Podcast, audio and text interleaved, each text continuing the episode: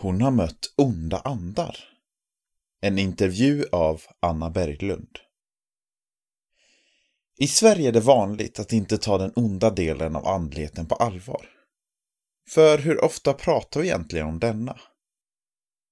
På olika sätt har Gertrud Storsjö stött på den onda andevärlden och förstått att den är aktuell idag. Insidans redaktion sökte upp henne för en intervju. Tio år gammal, på 50-talet, flyttade Gertrud från Österbotten i Finland till Sverige med sin mamma och bror. De bosatte sig utanför Uppsala. Fattigdomen och bristen de hade upplevt i krigets Finland ersattes av en tillvaro av vad Gertrud benämner som lyx. Samtidigt bar de på en annan rikedom, nämligen sin tro på Jesus.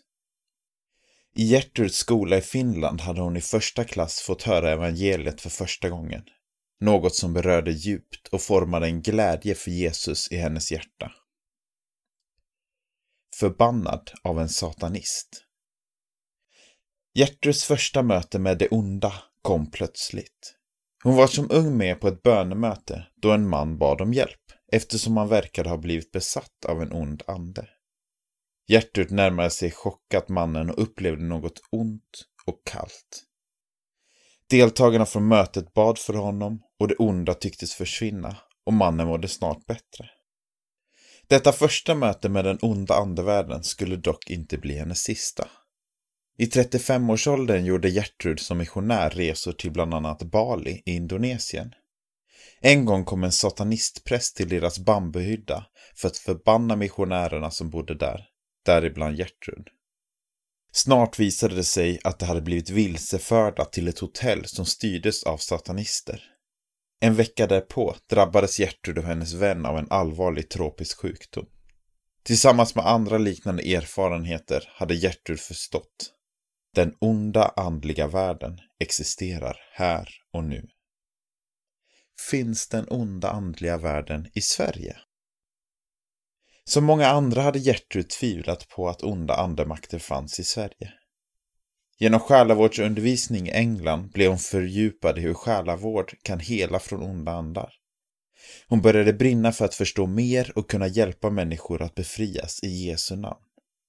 Många menar att onda andemakter inte finns, eller att om det finns så finns det bara i Afrika och Asien. Men inte här i Sverige, eller i den kristna världen, säger Gertrud. I och med sekulariseringen, alltså att människor har vänt sig från Gud, har fler människor introducerats till okulta riter och new age. I brist på tilliten till Gud söker många sig till metoder som är grundade på en annan andlighet, vilket kan leda till att man fastnar. Enligt Gertrud är yoga ett exempel på detta. Rörelserna är efterhämningar av djurs rörelser och är designade för att människan ska få kontakt med den osynliga världen, menar hon. Även om övningarna inte är menade att vara andliga kan det således få den inverkan. Att som kristen bemöta onda andar. Men om det finns en ond verklighet, vad säger då Bibeln om onda andar? Gertrud ser till Jesus och hans apostlar. Vi kan läsa att de var fullt upptagna med att rädda människor från demoner. Samtidigt understryker Gertrud att vi inte ska leta efter onda andar, utan endast ingripa när vi möter en människa som är plågad. Många kristna är rädda för demoner, men det behöver vi inte vara, säger hon. De är rädda för varje människa som har Jesus i sitt hjärta. De vet att han är starkare.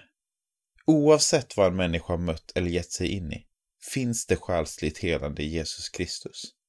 En tröst finner Gertrud i Ordspråksboken, kapitel 3, vers 3-8, där det bland annat står Räkna med honom på alla dina vägar, så skall han jämna dina stigar.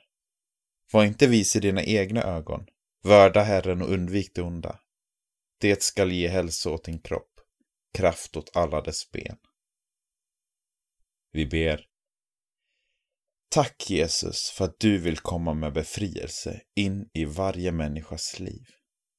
Du har lovat att vara med oss alla dagar och i ditt namn finns den förlåtelse och frid vi längtar efter. Vi ber att du leder oss på rätta vägar och att vi får leva i ditt ljus. Amen.